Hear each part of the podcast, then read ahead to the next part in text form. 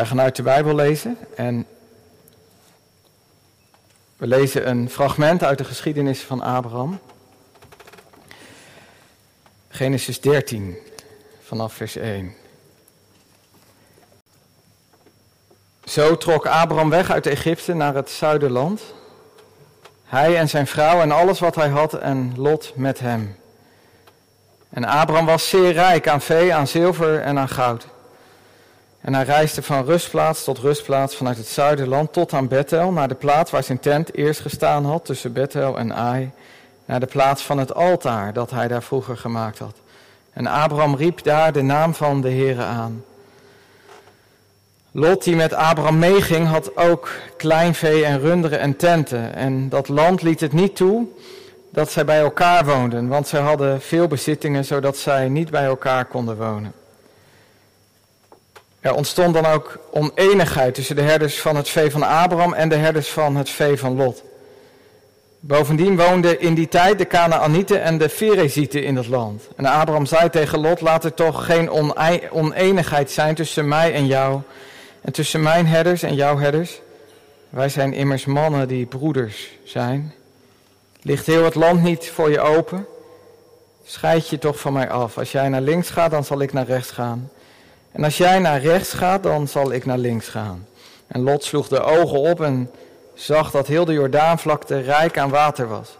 Voordat de Heere Sodom en Gomorra te gronden gericht had, was zij in de richting van Zoar als de hof van de Heere, als het land Egypte. Daarom koos Lot voor zichzelf heel de Jordaanvlakte en Lot trok naar het oosten en zij werden van elkaar gescheiden. Abraham woonde in het land Canaan. En Lot woonde in de steden, in de vlakte en zette zijn tenten op tot bij Sodom. De mannen van Sodom waren echter slecht en grote zondaars tegenover de Heer. En de Heer zei tegen Abraham, nadat Lot zich van hem afgescheiden had, sla toch uw ogen op en kijk vanaf de plaats waar u bent naar het noorden, het zuiden, het oosten en het westen. Want al het land dat u ziet zal ik voor eeuwig aan u en uw nageslacht geven. En ik zal uw nageslacht maken als het stof van de aarde. Als iemand het stof van de aarde zou kunnen tellen, dan zou ook uw nageslacht geteld kunnen worden. Sta op, ga het land door in zijn lengte en in zijn breedte, want ik zal het u geven. En Abraham zette zijn tenten op en ging bij de eiken van Mamre wonen, die bij Hebron zijn. En hij bouwde daar een altaar voor de Here. Tot zover de lezing uit Gods woord. Als thema boven de preek heb ik gezet keuzes maken. Keuzes maken.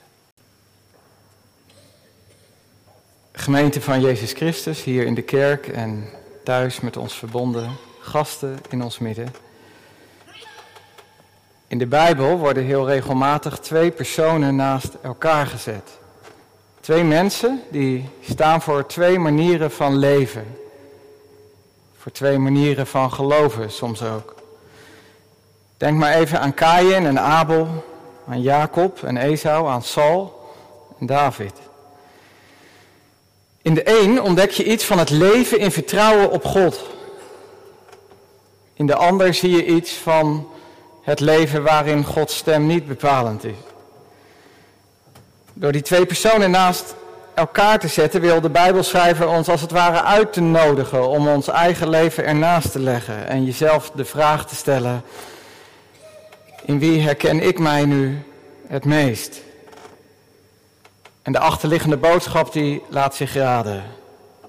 De ene mens wordt neergezet als positief voorbeeld dat navolging verdient. En die ander is bedoeld als een soort van waarschuwing. Die kant moet het niet op. Zo heeft God het leven niet bedoeld. Nu worden er in de geschiedenis die we vanmiddag gelezen hebben ook twee mensen naast elkaar gezet, Abraham en Lot. Laten we eerst eens even kijken naar Abraham.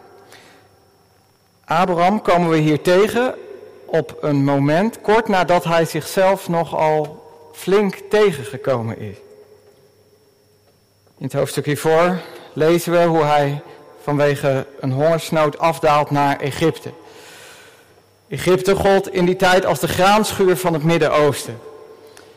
Maar met dat Abraham de grens overgaat, slaat de angst hem om het hart. Hij realiseert zich ineens dat er een reële kans bestaat dat een of andere Egyptische bobo zijn oog zal laten vallen op zijn mooie Sarah. En dat ze hem zullen vermoorden. Zo ging dat in die tijd in dat soort landen. En om zijn eigen hachje dan te redden, verzint Abraham een list. Sarah zegt hij, zeg maar gewoon dat je mijn zus bent. Dan zullen ze mij in ieder geval in leven laten. Nou, wat Abraham vermoedt, dat gebeurt ook. Sarah die blijft niet onopgemerkt bij de machthebbers van Egypte. En binnen een mum van tijd wordt ze ingelijfd in de harem van de farao. In ruil voor Sarah wordt Abraham dan heel royaal beloond met runderen en, en ezels en kamelen. Hij is in één klap een rijk man, in materieel opzicht dan. Want ja, hij mag veel gewonnen hebben, hij is natuurlijk nog veel meer kwijtgeraakt. Zijn lieve vrouw Sarah. En wat te denken van de God die nog niet zo heel lang geleden zijn leven was binnengekomen. Nee, door zijn keuzes is Abraham heel ver van huis geraakt. En het is dat God zelf ingrijpt en oog heeft voor de weerloze en kwetsbare Sarah. Anders was het nooit goed gekomen. Met Abraham niet en met Sarah niet en met Gods grote plan met Abraham en met deze wereld niet. Farao die wordt getroffen door de ene tegenslag naar de andere. En die man die voelt wel aan dat het iets te maken moet hebben met, met die vrouw die hij onlangs in zijn harem heeft opgenomen. Hij roept Abraham bij zich en ja, dan komt de aap uit de mouw. Alle leugens en al het bedrog komen aan het licht. Voor, voor Abraham is het een buitengewoon pijnlijk en beschamend moment. Hij die notabene geroepen was om Gods zegen te verspreiden, wordt hier ontmaskerd als een ordinaire leugenaar die zijn eigen vrouw opoffert om zichzelf uit de moeilijkheden te helpen. Vol schaamte en spijt keert Abraham terug naar huis. Hij is een ervaringrijker en een illusie armer. Een illusie over zichzelf armer. En waar gaat Abraham dan terug in het beloofde land als eerste naartoe? We hebben het gelezen vanmiddag. Hij reist regelrecht door naar Bethel, naar de plaats waar hij vroeger een altaar heeft neergezet.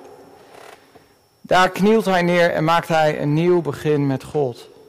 Beter gezegd, daar ontvangt hij vergeving voor zijn misstappen, zijn schuld.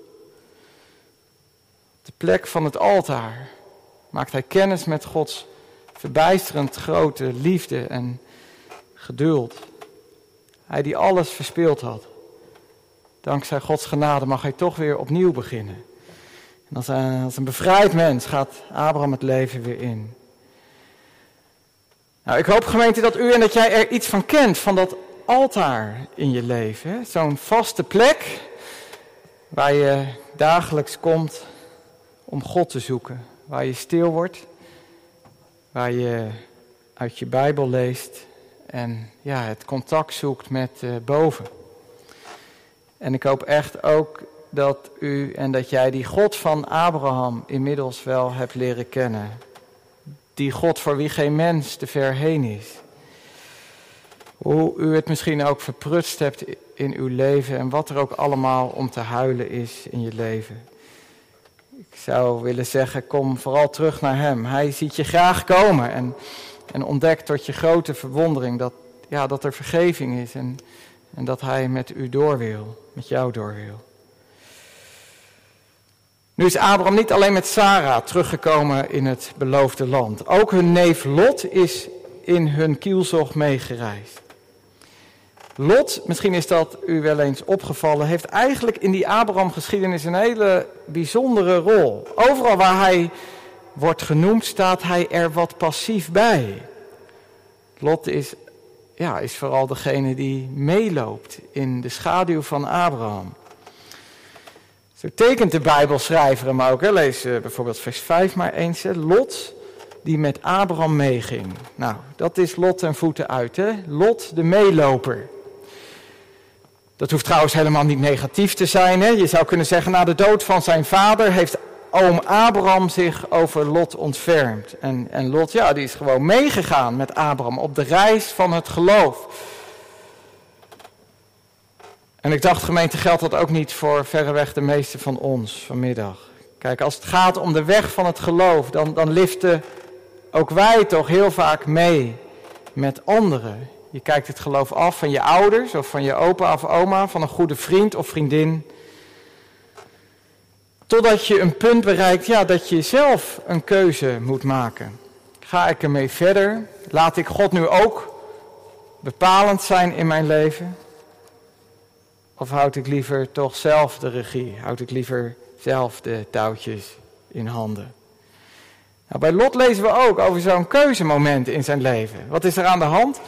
Wel, er ontstaat een conflict tussen de herders van Abraham en die van Lot. Beide hebben inmiddels een goed lopend bedrijf opgebouwd. Hun veehouderijen zijn uitgegroeid tot indrukwekkende proporties. Maar de economische groei zorgt ervoor dat er een schaarste probleem ontstaat. Er is niet genoeg land om de kuddes van beide mannen te voeden. En nu dreigt er een conflict tussen de twee bedrijven, maar daarmee ook binnen één en dezelfde familie. Nou, dat is pijnlijk als er binnen één en dezelfde familie verwijdering ontstaat. Ik ga daar nu niet uitgebreid op in, maar wie van ons dat heeft meegemaakt, of daar misschien nog wel middenin zit, ja, die kan daar wel over meepraten. Hoe gaan Abraham en Lot hier nu mee om? Nou ja, opnieuw lijkt Lot zich ja, vooral wat passief op te stellen. We, leven, we helemaal niets van een, van een initiatief van zijn kant. Nee, Lot die lijkt de dingen maar wat op zijn uh, beloop te laten. Maar let dan eens op Abraham. Die laat niet de dingen op zijn beloop. In dit conflict speelt hij een grandioze rol. Kwamen we hem in het vorige hoofdstuk nog tegen als, als een bang mens die krampachtig bezig is om zijn eigen hachje te redden ten koste van anderen. Hier ontmoeten we een totaal andere Abraham. Zodra hij verneemt van de oplopende spanningen tussen het personeel van beide bedrijven, roept hij Lot bij zich en zegt hij: Waarom zouden wij ruzie maken, jij en ik, of jouw herders en de mijne? Wij zijn toch familie, Lot, wij zijn toch broeders? Prachtig, vindt u niet wat Abraham hier zegt?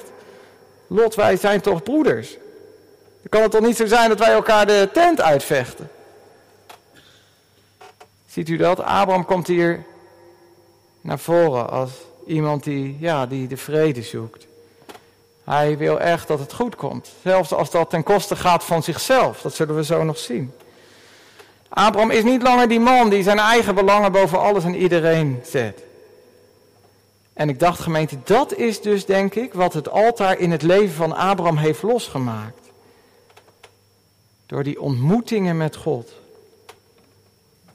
De God die hem vergeven heeft keer op keer vergeven heeft. En hem met zoveel liefde tegemoet is gekomen, is Abraham een ander mens geworden.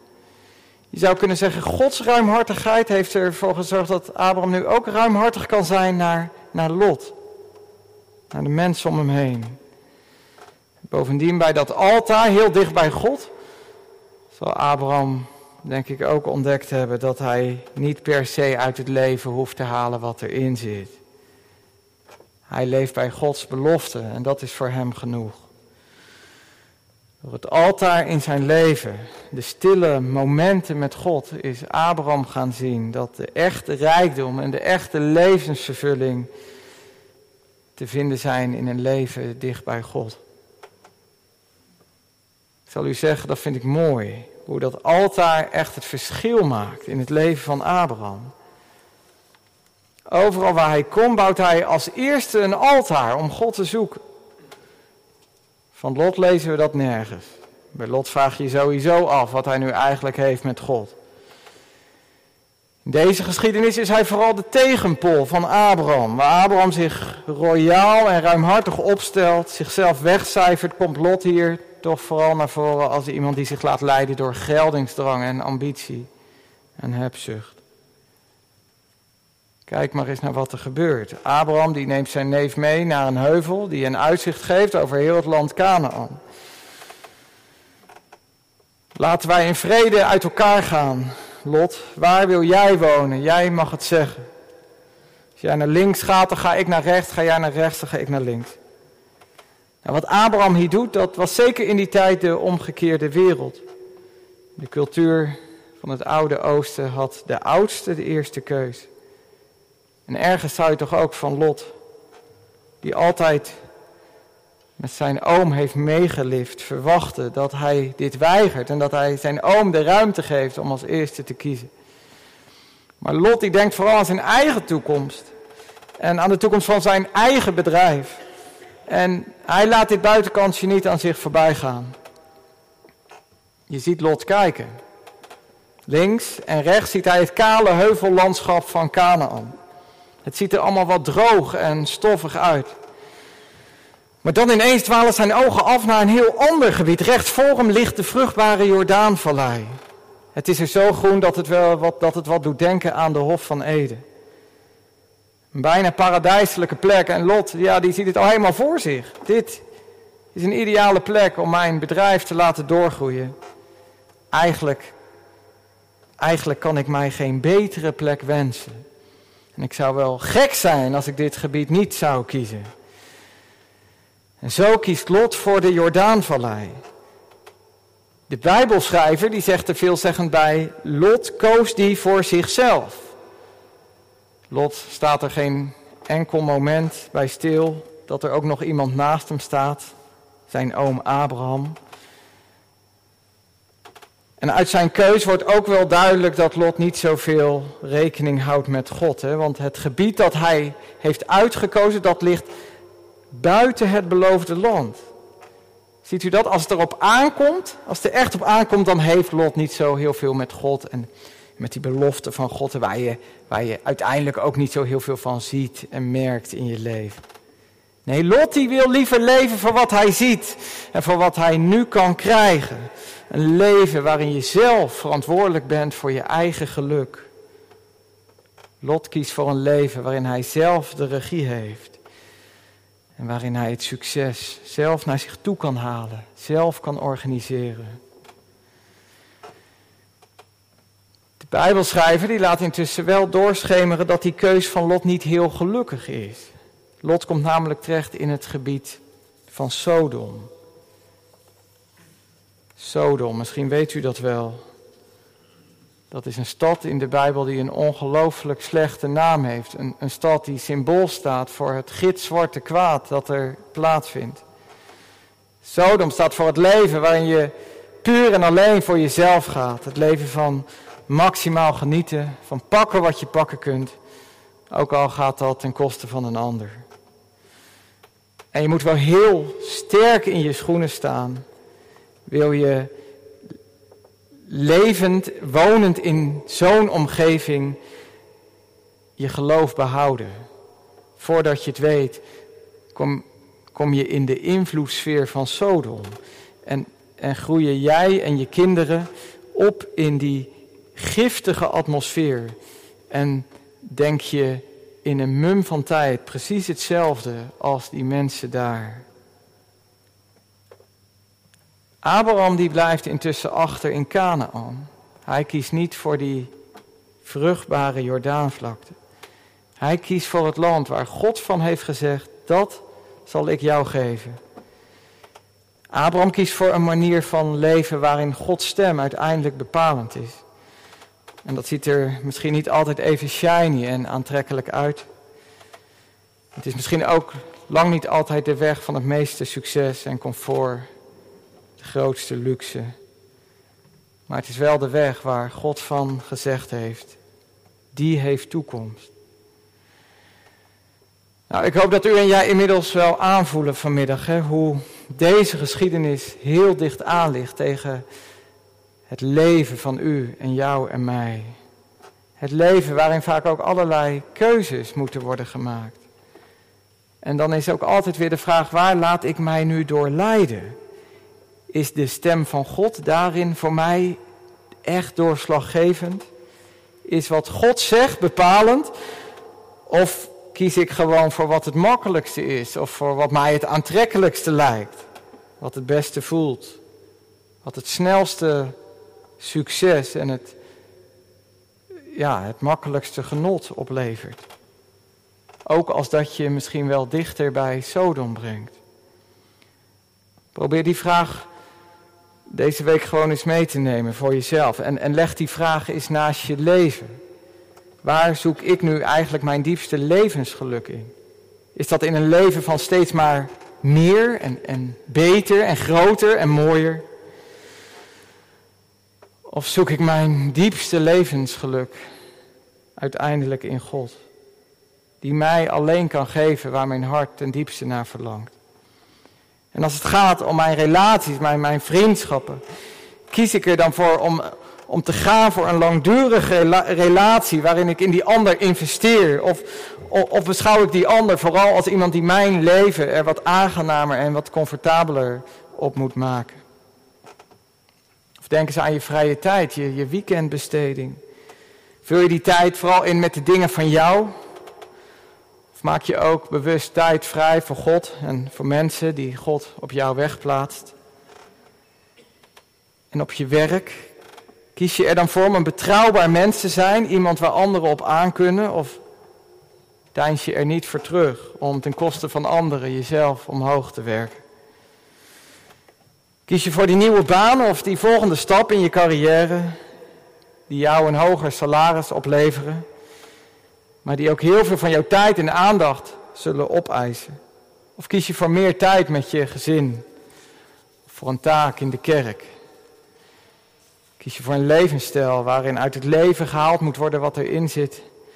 Of hou je ook rekening met Gods goede schepping? Als ik het goed zie, gemeente, dan komen wij allemaal regelmatig op van die kruispunten te staan in het leven. Momenten dat je net als Abraham en Lot als het ware op die heuvel staat en moet kiezen. Waar ga je heen? Welke weg sla je in? Welke richting ga je op? De richting van God of de richting van Sodom? En natuurlijk is die keus vaak niet zo zwart-wit. Lot is denk ik ook gewoon gegaan voor wat hem op dat moment het beste leek. Hij vast niet bewust gekozen om zich van God los te maken. Nee. En Abraham, ja, daar valt natuurlijk ook heel veel over te zeggen. Abraham is ook geen heilige, hè? Dat, dat hebben we net ook wel gezien. En toch hoop ik dat u en jij vanmiddag ook wel aanvoelen, ja, sommige keuzes die houden mij wel dichter bij God dan andere keuzes. En sommige keuzes die brengen mij ook wel verder bij God vandaan dan andere keuzes. En nu lijkt het er misschien op dat die keus van Abraham, die keus voor die weg van God, je leven bepaald niet mooier maakt. Nou ja, ergens is dat ook waar. Hè? Ik, ik zeg vanmiddag niet dat dat de gemakkelijkste weg is, zeker niet. En, en als iemand daarover kan meepraten, dan is het Abraham wel. Hè? Je ziet soms weinig van Gods aanwezigheid in je leven en je moet, je moet soms heel lang wachten totdat God eindelijk van zich laat horen en zijn belofte vervult. Vaak lijkt het leven zonder God ook gewoon een heel stuk aantrekkelijker en eenvoudiger. Ja, en toch, toch hoop ik dat je intussen ook wel hebt ontdekt hoe goed het leven met God is. En dat de wereld er ook gewoon een stuk mooier van wordt als je zijn weg volgt de momenten in je leven zijn dat je heel diep van binnen beseft, ja, zo ben ik bedoeld. Zo komt mijn leven tot zijn doel. En ook al is het leven met God niet altijd de makkelijkste weg. Toch vertrouw ik erop, geloof ik heel diep dat ik met Hem uiteindelijk wel goed uitkom. En weet u dat u daarop mag vertrouwen? Ja, dat, dat, dat is natuurlijk vanwege Jezus. Hè? Hij die nog veel meer dan Abraham die weg van God is gegaan. Hij die consequent leefde van Gods stem, bij Gods woorden. Niet bezweek voor de verleiding van het snelle succes en makkelijke genot. Omdat hij wist, ja, als ik hier aan toe geef, dan verwijder ik me van mijn hemelse vader en dat wil ik niet. Jezus die vond zijn diepste levensvreugde in de relatie met zijn vader die weg van God, die Jezus is gegaan, die eindigde niet in de dood, maar in Gods grote toekomst. En dankzij Hem, die die weg is gegaan voor ons en in onze plaats, mogen ook wij geloven dat wie Hem op die weg volgen, toekomst hebben. Ik dacht, dat is wel belangrijk om dat toekomstperspectief voor jezelf voor ogen te houden. Wij gaan zo vaak op in het leven, hier en nu. Maar er komt ook nog een ander leven. En weet u, die weg richting Sodom, waar heel veel om jezelf draait, ja, die weg die heeft uiteindelijk ook geen toekomst. Daarvan geldt dat je ja, aan het einde van de rit alleen overblijft, zonder God. Maar leven met God, dat is leven met een belofte. Een belofte op een heerlijke toekomst. Er komt een dag dat Gods koninkrijk, zijn nieuwe wereld, die nu al begonnen is, volledig doorbreekt. En dan hebben we nog alle tijd, hè? dan is er nog zoveel, zoveel leven dat God ons wil geven. Ik dacht dat perspectief, dat, dat helpt misschien wel om, om nu niet uit het leven te halen wat erin zit en, en om ook wat meer ontspannen in het leven te staan. En onderweg naar die grote toekomst leven we in vertrouwen op God en volgen we met vallen en opstaan de weg van Jezus. Dat hou je denk ik alleen vol als je zo nu en dan die stem hoort, die Abraham ook hoorde. Die stem van God. Die stem die zegt, ik ben bij je. Mijn beloften voor jou staan vast. Dat vind ik nu ook zo mooi aan het slot van dit gedeelte. Daar komt, daar komt God naar Abraham toe en, en bevestigt hij nogmaals zijn belofte. Wij hebben het allemaal zo nodig om die stem zo nu en dan te horen. Hier in de kerk, in een preek die je hoort, of in een lied dat je zingt, in een gesprek dat je hebt, door een zinnetje dat je thuis leest in je Bijbel of je dagboek. Wat kan ik anders zeggen dan dit? Vertrouw op die stem. En je leven heeft toekomst. Echt toekomst. Amen.